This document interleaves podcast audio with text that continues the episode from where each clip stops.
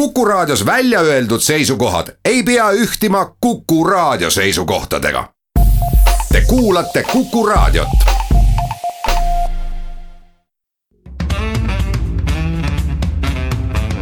muuli ja Riikoja tere päevast, head kuulajad, kell on seitse ja pool minutit üksteist läbi ja et on reedene päev, siis loomulikult ka Muuli ja Riikoja aeg ehk Kalle Muuli, Indrek Riikoja on stuudios koha sisse võtnud. tere päevast. alustame tänast saadet siin ennem saadet arutasime, et vast mõneks ajaks viimast korda siiski koroonateemadega eriolukord on läbi saamas, hulk piiranguid on leevendumas, aga samas eriolukorrast hoolimata jääb mitmeid piiranguid äh, siiski läbi suve kehtima. teiseks räägime riigikontrolli äh, läbi viidud uuringust selle kohta, et miks tekkis, tekkis kahe tuhande kaheksateistkümnendal aastal ootamatult riigieelarves umbes kahesaja miljoni euro suurune puudujääk ja kuidas see nii hilja siis avastati, et alles siis, kui uus, äh, uus valitsus kahe tuhande üheksateistkümnenda aasta kevadel ametisse astus, äh, selgus, äh, et auk on riigieelarves räägime ka riigikogu esimehe Henn Põlluaasa personaalküsimusest läbi, läbi selle viimase aasta, kui ta on olnud siis Eesti justkui ametimees number kaks presidendi järel on tema tegevust saatnud pidev kriitika noh, järgmist teemat võiks ka ju personaalküsimuseks äh, nimetada, aga püüaks siis veidi üldisemalt mõtel-, mõtiskleda selle üle, et. Et kuidas äh, peaks käituma juhul, kui äh, kohtunik, juhul kui ta on kahtlustatavana uurimise all altkäemaksu võtmise asjus ja, ja tahaks justkui tööd jätkata ja uurimine kestab ja mis siis saab, Eveli Vauren-Jukk on selle Tartu kohtuniku nimi, kes, kes siis eelmise aasta sügisel äh, läks palgata puhkusele, kui tema vastu või tema asjas uurimine algatati ja kes siis nüüd on otsustanud sellelt palgata puhkuselt tagasi pöörduda. uurimine on noh, peaaegu et samas seisus, nagu ta oli siis, kui palgata puhkus algas. ja Kalle tahaks kangesti rääkida ka eilse ja tänase nii-öelda Eesti kõige olulisemast sündmusest ehk siis karujahist Haaberstist, aga vaatame, kas me jõuame saate lõpus selleni ka Muuli ja Riikoja nädala aja eest tunnistasime sellest, äh, kas tuleb ka koroonaviiruse äh, diagnoosimises nii-öelda esimene nullipäev. eilse kohta ei ole numbrid veel tulnud, aga. kahjuks ei ole need null, ma, ma olen eraviisiliselt kuulnud seda numbrit, kuna ma eelmine saade ennustasin, et äkki tuleb, siis ma uurisin, aga kahjuks ei ole see null. ja mis see number on siis? no ma ei tea, võib-olla laseks ikka ametiisikutel selle välja ütelda. noh, ära ole nii tagasihoidlik, sa oled ju ka ametiisik. äkki ma olen valesti talle. kuulnud, aga mina kuulsin, et kaheksa on see number aga noh, mis ei ole õnneks suur, et selles mõttes väga selgelt äh, viirus on õnneks taandumas ja selle nädalaga saab läbi ka eriolukord, kuigi siin seoses äh, vastava nii-öelda äh, kobareelnõuga siis, mis riigikogus sellel nädalal vastu võttis, mis siis reguleerib täpsemalt just nimelt eriolukorra järgset aega, seda, kuidas saab piiranguid kehtestada. ja, ja kuidas mitte, siis näiteks Reformierakond on väga lootnud, et, et president ei kuuluta seda eelnõud välja ja eriolukord seepärast kestab edasi, et Reformierakonna kaalutlus on, et eriolukord on muutunud järjest ebapopulaarsemaks ja hakkab valitsuskoalitsiooni toetust sööma ka väga suure tõenäosusega ka president äh, veel lähitundidel ikkagi allkirjastab, äh, allkirjastab selle seaduse ja nii-öelda kinnitab ta ära, jätab ta. nii olen mina ka kuulnud. jätab ta, jätab ta kehtima eks ta iseenesest nagu õige on, sest kui me vaatame seda vaidlust, mis on käinud tollesama eelnõu ümber, põhiliselt on siis küsimus selles, et kui palju õigusi anda nagu tervise, terviseametile ja veel mõnele riigiasutusele nii-öelda kehtestada piiranguid olukorras, kus üleriigiliselt ei kehti elukord siis need vaidlused ju tegelikult käivad nagu kahte moodi, et ühed inimesed kritiseerivad hirmsasti, et oi kui hirmus, oi kui hirmus, antakse ebapädevatele ametnikele õigusi juurde. Ja teised äh, kriitikud jällegi ütlevad, et sellel seadusel ei ole sellepärast mõtet, et kui me tänaseid erinevaid seadusakte, seadusandlikke akte loeme, siis on need õigused terviseametil ja teistel justkui nagunii juba olemas no seal ongi äh, probleem on tegelikult selles, et nad justkui on olemas. Nad on natukene äh, laiali paisatud ja nad on natukene ebamääraselt sõnastatud. et minu meelest see põhiprobleem selle seaduse tegemisel või miks seda hakati niiviisi tegema, oligi see, et anda selge sõnaga selged õigused, et ei tekiks vaidlusi ja, ja võimalikke selliseid kohtujuhtumeid, kus käiakse mingisuguse akti vaidlustamiseks tükk aega kohut ja siis selgub, et tõesti seda akti võib-olla ei olnudki õigus anda või oli õigus anda ja et seda ebamäärasust niigi ebamäärases olukorras äh, vähendada, et siis teeme ühe sellise äh, selgema seaduse, mis teda sätestab, aga äh, noh. siin, siin võib mõtelda mitut pidi. ma vist võib-olla isegi oota, kui vist aus olla, siis oma ametist tulenevalt ehk justiitsministri nõunikuna sa oled ka selle eelnõu loomises vist ju väga aktiivselt kaasa löönud. kui ma õigesti mäletan, siis seda eelnõu tegemist ikkagi vedas äh, sotsiaalministeerium, aga, aga paratamatult või mis paratamatult, tahes-tahtmata kõik äh, seadused peavad käima justiitsministeeriumist kooskõlastamiselt läbi, nii et see ka. aga noh ma võib-olla isegi oleks, oleks äh, äh, nõus ka sellega, et äh, oleks eriolukord. mis annab täpselt samuti ju erivolitused, aga annab sel juhul kriisikomisjonile ja valitsusele.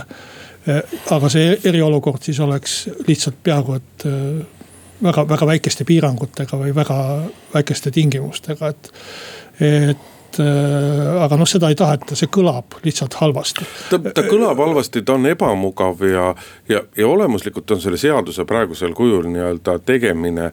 olemuslikult on õige, et kui on nii palju vaidlusi selle üle, et kas on õigusi, kas ei ole õigusi. siis väga selgelt praegusel hetkel on vaja, et oleks äh,, oleks äh, nii-öelda selge, et äh, riigiorga-, riigiasutused ja nende selged nii-öelda ülesanded, et selles mõttes ta praeguses olukorras.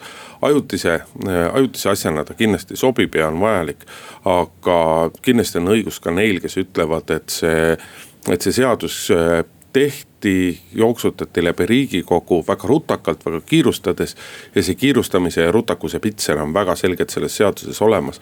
et tegelikult nüüd see järgmine samm peaks olema see, et see asi no tõenäoliselt ei jõua ennem riigikogu sisuliselt suvepuhkust, aga sügisel hiljemalt võiks selle asja kindlasti, kindlasti ette võtta ja nii-öelda uuesti üle käia, korralik korraliku parlamentaarse debati sellel teemal pidada.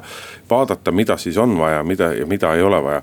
muuseas värsked numbrid eile kohta, eile, eilse kohta ikkagi tulid, et jah, sul on täiesti õigus. kaheksa positiivset testi, kokku üheksasada seitsekümmend viis testi ehk null koma kaheksa protsenti on on, on positiivseid teste, haiglas on nelikümmend kaks inimest, neist viis on juhitaval hingamisel tervenenud tuhat kolmsada seitsekümmend viis ja ööpäeva jooksul suri Saaremaa haiglas üks kaheksakümne kaheksa aastane naine. jah, no äh, kui me tuleme selle eriolukorra lõpetamise juurde tagasi, siis äh, formaalselt äh, ja juriidilises mõttes kaotavad ju kõik piirangud alates esmaspäevast jõu. Need, mis on eriolukorra ajaks kehtestatud ja eriolukorra juhi poolt siis äh, maksma pandud. Äh, ja, ja siis nii-öelda kehtestatakse uued piirangud juba väljaspool eriolukorda või, või, või mitte selle eriolukorra seadusest otse, otseselt tulenevalt. et tahaks nagu kriitiliselt ütelda selle kohta, et mu meelest on nagu viimastel päevadel see asi kuidagi lappama läinud, et kui meil oli siin pikka aega plaan, et see eriolukord lõpetatakse niiviisi samm-sammult. et piirangud võetakse järjest maha, et oleks võimalik jälgida nende mõju. siis äh, tegelikult see reeglistik, mis nüüd äh, hakkab kehtima, kus äh, on erinevaid kuupäevi, erinevaid lubamisi ja keelamisi ja, ja kus kohas võib olla sada inimest, kus kohas võib olla tuhat inimest, kus kohas võib olla viiskümmend inimest. ja mis kuupäevast üks või teine asi kehtima hakkab ja mis on siseruumides lubatud ja mis on välisruumides lubatud. ja, ja kõik see on, äh, kisub praegu minu meelest äh, liiga keeruliseks ja liiga pudruks, mis tähendab seda, et äh, inimesed ei saa aru, neile ei jää meelde isegi lihtsamad reeglid on, on keerulised meelde jätta. et äh, lõpuks neid reegleid tegelikult keegi ei täida ja keegi ei jõua ka nende äh, täitmist kontrollida juhul. kui inimesed ise ei, ei proovi ega ürita neid täita. et ma arvan, et äh, neid tegelikult neid eriolukorra järgseid reegleid peaks püüdma lihtsamaks teha. ja, ja peaks püüdma vähem alles jätta, et kui sa ikkagi annad miljonile inimesele Äh, mingisugused reeglid täita, siis need peavad olema lihtsad ja selged ja kõigile ühtviisi arusaadavad ja. peavad olema ka sellised, mida on võimalik meelde jätta niiviisi ühe lugemisega. tead, teeme väikese pausi, kuulame paar minutit reklaami ja siis ma räägin sulle, miks sa päris täpselt, päris õigesti asjadest aru ei saa. muuli ja Riikoja Läheme saatega edasi, Kalle Muuli, Hindrek Riik on jätkuvalt stuudios. Äh, siin meeleolu on stuudios heas, sest et Kalle ja meie hea produtsent vahelt vahetasid armastusväärsusi just. aga tulles siis nende piirangute kaotamise juurde. et äh, muidugi see nii-öelda lihtsamal vaatlemisel võib jääda pisut segaseks ja kindlasti seal on ka, on ka mingisuguseid kohti, kus äh, justkui need spordiüritustele kehtivad ühesugused nõuded. kultuuriüritustele teistsugused nõuded, aga suures plaanis siiski on see nagu kiiduväärt, et, et valitsus on tulnud suhteliselt konkreetse ajakavaga välja, et äh, tänasest on näituseks äh, Läti piiril kadunud piirikontroll ja, ja, ja võib Eesti, Läti, Leedu piires võib äh, ka nii-öelda turismi eesmärgil ringi reisida, ilma et sa peaksid kaks nädalat pärast karantiinis olema, kui sa koju tuled Soomega. on piirangud kaotanud osaliselt, aga see, et noh on siin järk-järgult, millal võib, äh, millal võib avada jõusaalid, äh, spordiklubid, millal saunad, millal veekeskused ja nii edasi. et noh, olukord on keeruline ja harjumatu ja seetõttu on regulatsioon ka nagu mõnevõrra keeruline. aga see, et suve mõttes on näiteks suurüritustele väga selged nii-öelda konkreetsed normid äh, kehtestatud kõik see on õige, aga A ja O on siiski see, et noh, et inimesed peavad säilitama seda kainet meelt ja seda on tõenäoliselt kõige, kõige keerulisem tagada, sest et äh, inimesed on väsinud, inimesed on tüdinenud, inimesed tahaksid äh, tahaksid liikuda, tahaksid vabalt olla ja tahaksid äh, mitte kogu aeg ainult mõelda selleni, et ega kuskilt ei saa. ja noh, kõige selle taustaks on ikka, ikka ju see, et kui me teadlasi kuuleme, siis no saa sa siis nüüd aru, kas äh, kas maski kandmisel on mõtet või maski kandmisel ei ole mõtet, kas maski peaksid kandma haiged inimesed või peaksid terved inimesed. meiegi siin viimased kaks kuud stuudios oleme oleme väga järjekindlalt pärast igat saadet desinfitseerinud laudu, kõrvaklappe, mikrofone, asju. jääb jah mulje, ma, kui ma, ma siit lahkuma hakkan, siis mul on alati tunne, nagu sa oleks pidalitõbisega saadet teinud, aga. ja, ja siis kuulad lugupeetud Irja Lutsarit, kes ütleb, et ei ole teaduspõhist tõendust, et äh, Covid-19 võiks üldse nii-öelda pindade kaudu levida. aga ei ole ka vastupidist tõendust, et ta ei levi no, just nimelt, et, äh, et see, et on nii-öelda valitsuselt tulnud konkreetne ajakava, see on nagu mõistlik. me võime muidugi loomulikult vaielda selle üle, et kas üks või teine kuupäev on pandud täpselt õige koha peale. see, et ka suveks on teatud piirangud ees. et meil tuleb leppida sellega, et väga paljud äh, muusikafestivalid näiteks jäävad sellel suvel ära äh, mõneks, mõned folgisündmused näiteks toimuvad, aga, aga Augusti pluss suure tõenäosusega ei toimu, et sellest, sellest on küll väga kahju aga no tuleb see, tuleb see üks suvi sellega nagu leppida. no see rahva väsimuse jutt mulle meenutas äh, tänast või eilset pealkirja Eesti Päevalehest, mis kõlas siis niiviisi, et kuuskümmend seitse vintsutusi täis päeva nõudsid Eesti rahvalt enneolematut pingutust. ja siis, ja siis. sa kirjutasid kohe üles. ja ma kirjutasin üles, et äh, siis, siis ma tõesti hakkasin mõtlema Eesti ajaloo peale, hakkasin vabadussõja peale mõtlema, küüditamiste peale mõtlema ja, ja, ja teisest maailmasõjast ma ei räägigi, metsavendadest ei räägi. okupatsiooniaeg. ja, ja siis, aga, aga kui räägiks ainult sellest uuemast ajast, et kuidas üheksakümne esimesel või üheksakümne teisel aastal nagu kaks aastat elasime nii, et poeletid olid täiesti tühjad ja talvel oli kodus külma kaksteist kraadi, nendel, kellel oli keskküte ja Lasnamäed ähvardati evakueerida, sest inimesed pidid surnuks külmuma. aga eh, hüva, see on kõik üks vanainimese jorisemine, et. Eh, seda küll jah. et eh, tegelikult eh, minu meelest on nagu kaks tähtsat reeglit. üks on see kuulus kaks pluss kaks ehk olgem teineteisest natukene eemal see on väga oluline meelde jätta. kas õigem ei oleks selle kohta öelda kaks koma kaks? võib ka ütelda kaks, kaks, kaks. kaks korda kaks ja üleüldse lähenevate matemaatika riigieksamite puhul võiks hoopis ringi pindala valemist äkki laht, lähtuda, mis on pi arvuut. seda ma ei kirjutanud üles, aga mäletan peast veel keskkooli aegadest. pi väärtus ka mäletad? mis tähendab, et su ümber peaks olema kaksteist või sul peaks olema kaksteist ruutmeetrit või natuke rohkem. sa pi väärtust mäletad? kolm koma neliteist ma pakuks peast. aga nüüd, kui see viktoriin on lõppenud ja mu teadmised on kontrollitud, et võib, ma jätkan sellega, et ole lahke et, et see kaks, kaks pluss kaks või kaks koma kaks või kaks korda kaks, mis sa ütlesid, on väga oluline, et me peaks natu-, natukene teineteisel vahet, ei kipuks kallit-, kallistama ja musitama. ja teine, mis on, et äh, suurüritustel tuleb ettevaatlik olla.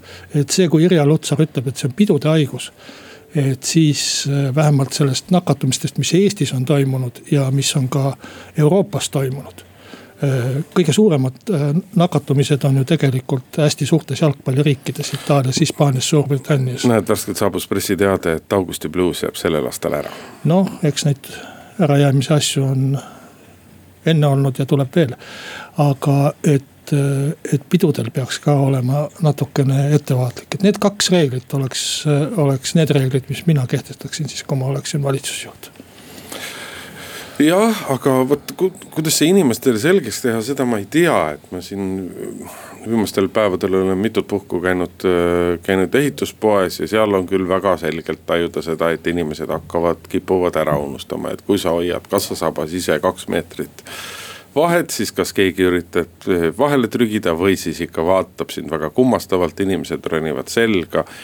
et, et noh, see läheb kiiresti meelest ära ja selles mõttes kindlasti riik võiks mingisugust äh, mõelda mingisugusele teavituskampaaniale või mingile sellisele nii-öelda läbivale meeldetuletamisele inimestele, et sellega, sellega kindlasti, kindlasti peaks jätkama.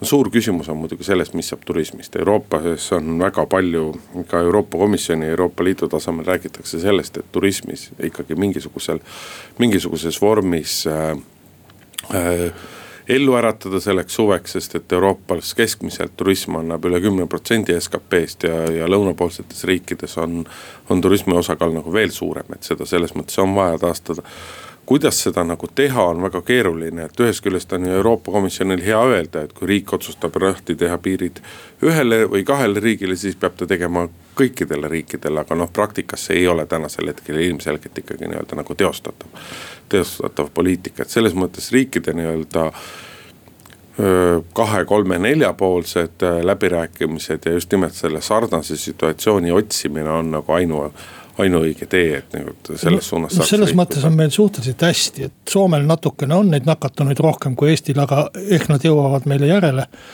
et Soome on meile kõige tähtsam äh, ikkagi turismiriik või, või reisimise. meile kõige tähtsam jah. jah, et, et kui me sellega, selle saaksime lahti, siis on suur osa meist juba, suur osa meie, meie reisimisest juba juba päästetud, et see väiksem osa siis võib natuke oodata, aga üks asi, mis võib-olla veel tahaksin ära märkida, on see, et umbes nädala või kahe pärast selgub, kuidas nende piirangute lõdvendamine, leevendamine ja ärakaotamine nüüd on mõjunud, et me siis ära ei ehmataks, kui see nakatunute number hüppab jälle kahekümne, kolmekümne peale, et tegelikult ei pea siis hakkama veel kohe kinni keerama neid kraane. et mõistlikult käituda lihtsalt. aga teeme väikese pausi, pooltunni uudised ja siis läheme saatega edasi. muuli ja Riikoja. Läheme saatega edasi, head kuulajad, Kalle Muuli, Hindrek Riike on stuudios ja riigikogu esimehest Henn Põlluaasast pidime rääkima teisipäeval, oli teisipäev või oli esmaspäeval? no kes seda enam mäletab? nädala alguses, kasutame siis sellist väljendit, sai riigikogus näha ühte tsirkust. sain näha tsirkust sellest, kuidas kuidas nii opositsioon, koalitsioon kui parlamendi esimees, esimees vaidlesid selle üle, kuidas ikkagi riigikogu tööd korraldada, kes peab sõna saama, kaua ta tohib rääkida ja nii edasi ja selle tulemus oli see, et lihtsalt esimees Henn Põlluaas mingil hetkel ei andnud enam opositsioonipoliitikutele sõna ja noh, siis tuli jutt muidugi sellest, kuidas demokraatiat piiratakse ja nii edasi ja nii edasi. mis kõik on loomulikult ilmselge poliitiline liialdus ja mida ei tasu nii südamesse võtta. aga selles osas on kahtlemata opositsioonipoliitikutel õigus, et äh, Henn Põlluaas kui me võrdleme nii-öelda viimaseid parlamendi esimehi, kes riigi struktuuri järgi on justkui tähtsuselt teine inimene presidendi järel et eh, nendega võrreldes Henn Põlluaas on üks nõrgemaid ja nõrk eelkõige seetõttu, et ta ei saa aru enda sellisest. ta ei saa päris täpselt aru enda rollist, et Henn Põlluaas ikkagi selgelt ajab enda erakonna ja oma poliitikat. aga ta ei saa aru, et väga paljudes kohtades peab olema riigikogu esimees selline nii-öelda õiglane vahemees nii opositsiooni kui koalitsiooni vahel ta peab mingisugustel väga paljudel hetkel ta peab ära unustama oma veendumused, oma nii-öelda selle erakondliku kuuluvuse ja ta peab suutma kainelt ja objektiivselt nii-öelda kõike hinnata ja. ja selles osas on Henn Põlluaasal äh, suuri raskusi ja kahju on see just seepärast, et et, et kust nii-öelda see sõltumatu vajadus, sõltumatuse vajadus tuleb ja tasakaalustamise vajadus tuleb, et see tuleb ju paljuski sellepärast, et. president on apoliitiline ja kui presidendiga midagi juhtub, siis presidendi kohuseid asub täitma just nimelt parlamendi esimees aga kujutame nüüd ette, et Henn Põlluaas oleks mingil põhjusel Eesti Vabariigi president või täidaks Eesti Vabariigi presidendi ülesandeid. Et ta suudaks olla ka seal objektiivne, tasakaalukas, et seda noh ma arvan, et sellel ametikohal oleks tal lihtsam Aga... et ei peaks tegema midagi, sa vihjad sellele. ei, üht... ülesanded on lihtsalt teistmoodi, et tegelikult äh, ma olen sinuga nõus, et, et äh, riigikogu esimees on äh, mingitel juhtudel olnud äh, erapoolik, aga mu meelest ei ole nagu see põhiprobleem, põhiprobleem on see, et ta on natukene aeglase reageerimisega. ja see koosoleku juhatamine, kui sind pidevalt segatakse või püütakse segada. et ta nõuab kiiret reageerimist Äh, väga kiiresti sa pead oma peas üles leidma selle kodukorra paragrahvi, millega vastata. ja, ja väga kiiresti pead üldse reageerima olukordadele. Äh, juhul kui saalis, kuidas ta väljendas, kolmkümmend hagijat mul kallal oli või. või oli see viiskümmend, no täht-, pole tähtis. ja viiskümmend. mitukümmend. õige, õige, et, et sellega on tal ilmselgelt probleeme ja, ja noh koosoleku juhatajal võiks aja jooksul välja kujuneda see refleks, kuidas ta ühes või teises olukorras äh, siis käitub, et.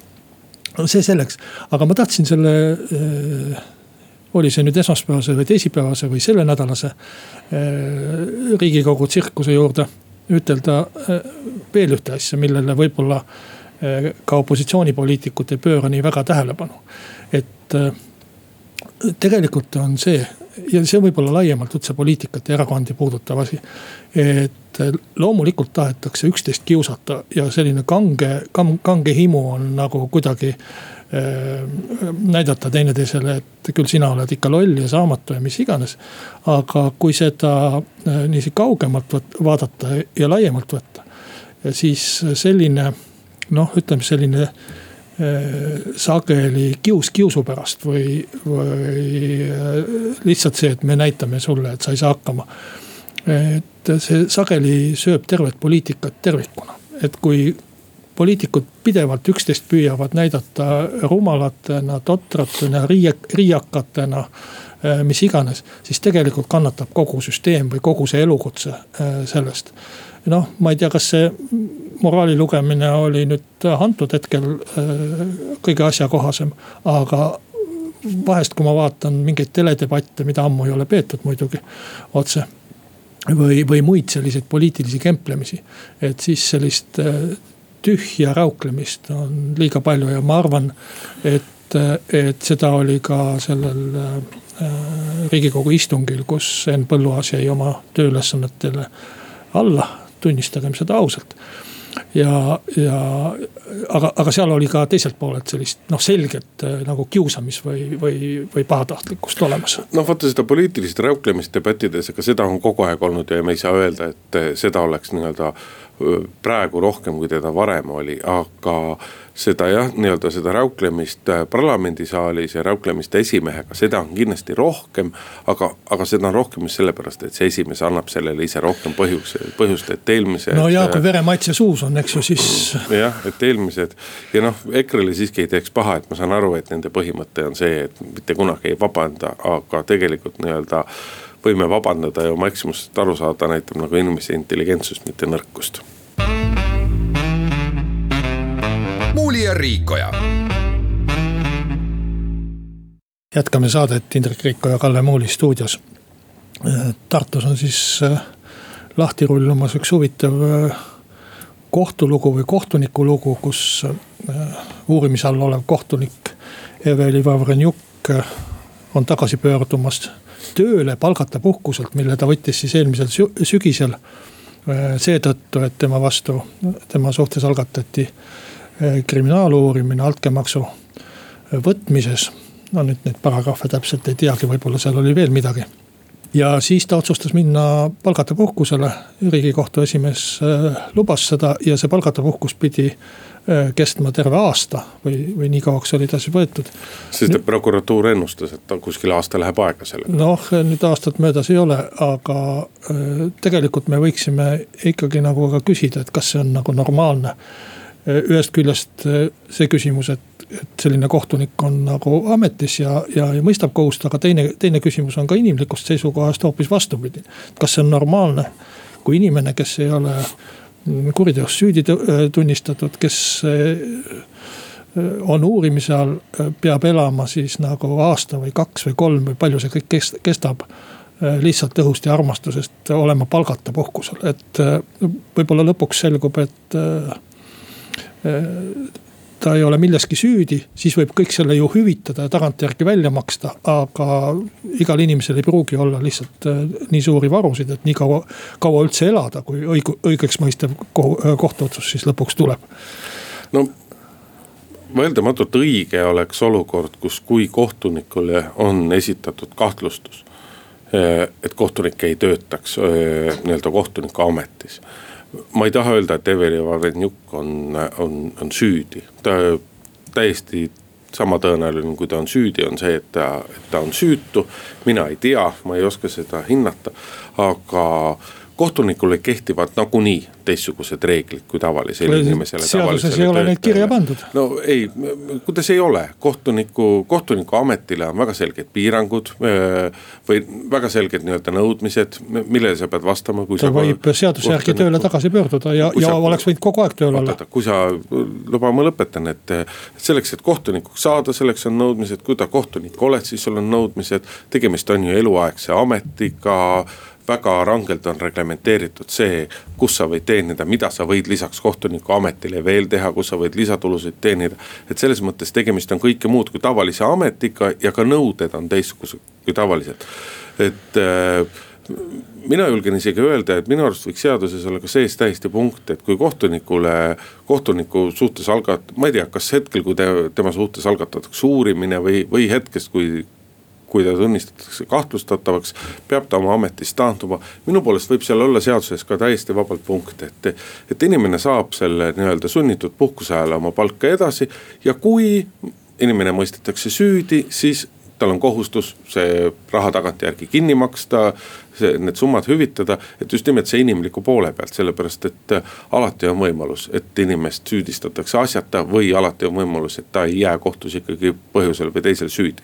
ma, ma umbes sinna tahtsingi jõuda äh, välja, et, et tegelikult ei peaks see puhkus olema palgata et kui sa ikkagi ei ole süüdi mõistetud ja, ja kaitsed ennast ja, ja oled uurimise all Äh, siis oleks mõistlik, kui äh, kohtunik või ka mõni teine, teise õiguskaitseorgani töötaja, ega siis prokuröri roll äh, suurt, suurt ei erine selles mõttes, et väga imelik oleks ka, kui altkäemaksu asju uurib prokurör, kes ise on altkäemaksu asjus uurimise all.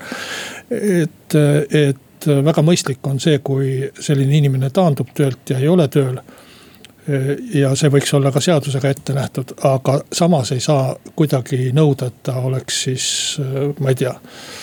käiks samal ajal panka röövimas, et ellu jääda, et tegelikult peaks talle olema ette nähtud tasu selle, selle sunnitud töölt puudumise eest, ma ei tea, kas see peaks olema siis täispalk või võiks kaaluda ka mingisugust osalist hüvitamist aga äh, samas ma ei ole nõus sinuga selles mõttes, et kui ta süüdi mõistetakse, et siis ta peaks kõik selle tagasi maksma. et äh, noh, esiteks ei ole see ka reaalselt võimalik, kui ta läheb äh, trellide taha. Sest ta on selle palga ilmselt ära elanud. aga teiseks ei ole ka see loogiline, kui sulle makstakse ikkagi mingit sunnitud töölt puudumise hüvitist või palka. siis see ongi sinu isiklik raha ja sa võid seda ka siis tarvitada, et see, see ei saa olla laen sulle selleks hetkeks, et kui sa siis ennast üle üleval pead? ei no jah, jääme selles osas pisut erimeelele, minu arust nii nagu on võimalik kohtu nii-öelda süüdimõistetud kurjategija käest sisse nõuda nii-öelda tekitatud kahju, samamoodi võiks olla ka kohtuniku puhul, et kui tema suhtes käib uurimine, siis ta oma tööd ei tee, ta palka saab, kui ta süüdi jääb. siis ma noh, ma ei tea, võib-olla ei saa täispalka, võib-olla saab pool palka, saab nelikümmend protsenti palka, eks ole. ja siis pärast vastavalt otsusele, kui inimene jääb süüdi, siis ta maksab selle raha tagasi, kui ta mõistetakse õigeks, siis tagantjärgi talle hüvitatakse, aga mingi asi mingi nii-öelda korraldus oleks mõistlik. no ja, aga see ei lahenda meie praegust probleemi eks ju, kus äh, on, on valida, kas palgata puhkuse vahel või, või tööle naasmise vahel. ei no praegusel hetkel, praegusel hetkel praktikas nii-öelda ollaksegi kahvlis, et ega. ega, ega, ega, ega riik ei saa seda tasu ka niisama maksta lihtsalt, et. inimene selles mõttes tuleb nii-öelda tööle tagasi saada, ma küll ei kujuta ette, mida ta. noh, kuidas see töö nagu edasi näeb, et kas ta võtab uusi protsesse, kas ta jätkab istungitega, kuidas see käib, ma, ma, ma ei, ma ei no, kujuta ette. kohtunike vahel jagatakse tööülesandeid masinaga äh, loosi teel, et äh, ju, ju siis siis need asjad lähevad nii nagu lähevad, et ma arvan, et seal ei saa nagu reeglites väga erilist teha, et kui sa oled tööl, siis sa oled tööl ja nii ongi. aga teeme veel väikese pausi. muuli ja Riikoja Läheme saatega edasi, Kalle Muuli, Hindrek Riik jätkuvalt stuudios. sel nädalal avaldas riigikontroll oma auditi, kus ta siis tõdes, et headel aegadel ehk kaks tuhat seitseteist, kaks tuhat kaheksateist kulutas riik äh, nii-öelda ebapiisava tulude-kulude jälgimise ja ebapiisava maksutulude prognoosimise tõttu või ebatäpse prognoosimise tõttu nii-öelda kakssada miljonit rohkem, kui oleks võinud kulutada ja kuigi siin koalitsioonipoliitikud on on üritanud rääkida sellest nii ühte, teist kui kolmandat pidi, siis ega me selle vastu ei saa, et raha kulutati rohkem, numbrid on selles mõttes armutud. ja see on ka tõde, et äh, tekkida sai see olukord eelkõige selle tõttu, et riik nii-öelda jooksvalt ei jälgi oma tulude-kulude liikumisi, laekumisi, et mis on eelarves. mis on eelarvesse justkui sisse kirjutatud ja kinnitatud, seda kõike võib teha ja, ja kui eelarves ei ole, siis kui saad kuskilt loa, siis võid ka teha, aga tegelikult nii-öelda peaks asju paremini jälgima. noh, seal oli jah kaks asja, et äh, kõigepealt võib-olla peaks ütlema seda, et muidugi äh, esimesed uudised, mis sellest riigikontrolli asjast tulid, olid umbes sellised, nagu oleks avastatud nüüd, et kakssada miljonit on kuskilt puudu, et tegelikult avastati see ju äh, aasta või natuke rohkem tagasi, kui uus valitsus hakkas rääkima, et nüüd me peame kõvasti kärpima, sellepärast et äh, aastal kaks tuhat kaheksateist on, on tekkinud puudujääk ja seal puudujäägis oli siis kaks allikat või kaks äh, asja, üks oli see, et aktsiise oli laekunud tunduvalt vähem kui oli prognoositud. kaks suurt allikat, neid allikaid oli rohkem. ja teine oli see, et mõned investeeringud ehk siis mingeid asju oli ehitatud natuke rohkem. erinevatel objektidel oli kulutatud siis rohkem kui plaanitud ja nendest siis kahest asjast, alalaekumisest, aktsiiside alalaekumisest ja investeeringute äh, suurema, suuremast hulgast siis oli tekkinud äh, kahesaja miljoniline puudujääk. et tegelikult selle noh, minu meelest halb asi on see, et äh, ja sellele ka riigikontroll viitab, on see, et pole võimalik või, või vähemalt ma ei tea, kas võimalik on või ei ole, aga, aga vähemalt ei jälgita seda äh, riigieelarve äh, täitmist äh, jooksvalt. ja seal riigikontrolli. no seal ikkagi öeldakse väga selgelt, et ei jälgita seda ja. jooksvat, küsimus ei ole nii-öelda võimaluses või võimekuses, et see on kahtlemata olemas no,. eks kui ma kujutan ette aktsiiside laekumist, siis seda kindlasti saab jälgida jälgitakse igakuiselt. aga sa ei oska ju ütelda, palju aasta lõpuks siis nüüd tuleb, et sel kuul tuli ja, vähem. aga sul on selles mõttes, et sa saad seda küll mitte mingi viiteajaga, aga see viiteaeg ei ole pool aastat või aasta. aga, aga seal on ka toodud päris selgelt riigikontrolli aktis välja, et see hetk, millal peaminister ja rahandusminister teada said, millal ametnikud neile teatasid sellest puudujäägist. oli veebruar kaks tuhat üheksateist ehk siis kaks kuud peale seda, kui aasta oli juba lõppenud või, või poolteist kuud pärast seda, kui aasta oli lõppenud.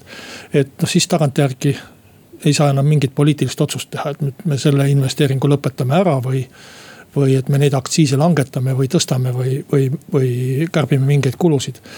et äh, sisuliselt nagu pimesi olukord, et pärast vaatad, mis on saanud, kui aasta on läbi. no siiski see pimesi ei ole selles mõttes päris tõsi, päris tõsi, et kui me nüüd meenutame seda, kui, kui Jüri Ratas äh, tuli peaministriks, siis äh, sügisel see juhtus ja tegelikult väga väga ruttu hakkas toimima see, et nii-öelda kuna valimisteni ei olnud enam palju aega, siis väga ruttu üritati olla väga populaarsed ja tehti väga palju otsuseid ja tehti väga palju kulutusi.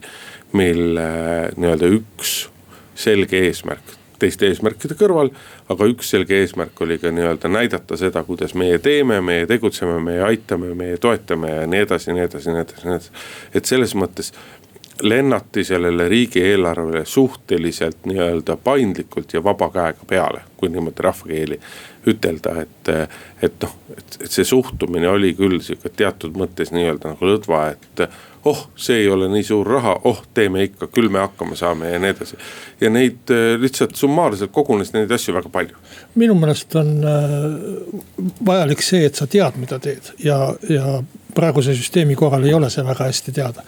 Äh, teine asi on see, kas ja, ja noh, tähtis on reegleid täita, aga teine asi on see, et kas need reeglid on mõistlikud ja minu meelest see reegel, kus me oleme ennast nurka värvinud sellel, sellel viisil. et kõikidel teistel riikidel on äh, normaalne laenukoormus, nelikümmend, kuuskümmend, nüüd lähevad muidugi paljud lõhki, aga, aga. Kalle jumal tänatud, et meil ei ole siiamaani laenu. ma räägin aastast kaks tuhat kaheksateist praegu et, et see olukord, kus me siis, kui me ka tahame laenu võtta et meil tegelikult ei ole võimalik, ehkki meil laenukoormus oli väga väike. kaks tuhat kaheksateist ei olnud võimalik midagi juurde võtta. ma ei, ma ei ütle, et oleks pidanud, aga nüüd me kulutame kaks miljardit ühe või kahe kuuga ära. ja samal ajal haliseme mingi kahesaja miljoni juures, et oi küll, nüüd oli pahasti sellega. et noh, kummalised reeglid, need eelarvereeglid, aga sellised nad on Muuli ja Riikoja. jätkame siis saadet konkureerides härra Turovskiga ilmselgelt me jääme alla, aga, aga kuna loomauudiseid on palju ja muid uudiseid on vähe peale koroona. ja koroona vist ei ole ka väga ilus vorm, vaieldav. et räägime siis karudest mis mind nende karulugude puhul häirib, on muidugi selline mõõdu, mõõdutundetu äh, kajastus, meediakajastus. no mitte ainult kajastus, vaid ma siiski julgen arvata, et ka, ka, ka riigiasutuste reageerimine, reageerimist võiks üle reageerida Se. sellest ma isegi võib-olla saan aru, sellepärast et inimeste elud on ohus, kui emakaru poegadega liigub inimeste lähedal. et ta tõenäoliselt äh, inimest märgates võib arvata, et inimene äh, ründab ja, ja on, on tige oma poegi kaitstes aga noh, see selge seega, et inimesi peaks teavitama, et on mingisugune oht seal kuskil Kakumäe või Haabersti kandis. aga teha sellest nii kaks päeva järjest lausaliselt esiuudist üle-eestilistes kanalites, et no,. rahvusringhääling teeb otselülitusi, no kuulge, no kuulge. et karu ei ole veel intervjueeritud, et selles töös on väikseid puudujääke, aga aga võtkem nüüd natuke mõistlikum, et ma saan aru, et see on äh, visuaalselt oleks atraktiivne saada see karu sinna pildile ja, ja, ja kõik elavad kaasa ja. aga noh, see tundub, et tõesti meil mitte midagi meie ühiskonnas enam tõsist ei, ei ole ei, no, juhtumas. noh, tegelikult näitas see nagu kahte asja, ühte näitas see, ühest küljest näitas see see, et see eriolukord kuuskümmend seitse päeva kannatusi või kuidas see sinu pealkiri kõlas, eks ole, vabandust, Päevalehe pealkiri. enneolematuid kannatusi. et see ei ole, et õnneks ei ole see meie ei ole see meie ametkondi nii ära kurdanud, et nad midagi teha ei jaksaks ja kuhugile suurelt reageerida ei jaksaks. ja teisest küljest näitab, näitab just nimelt nii-öelda see, see lugemis- ja vaatamishuvi seda, et inimesed on totaalselt kõigest muust tüdinenud. tore, et karu ellu jäi. just, aga meie tõmbame saate otsad kokku, nädala aja pärast kuuleme jälle. Muuli ja Riikoja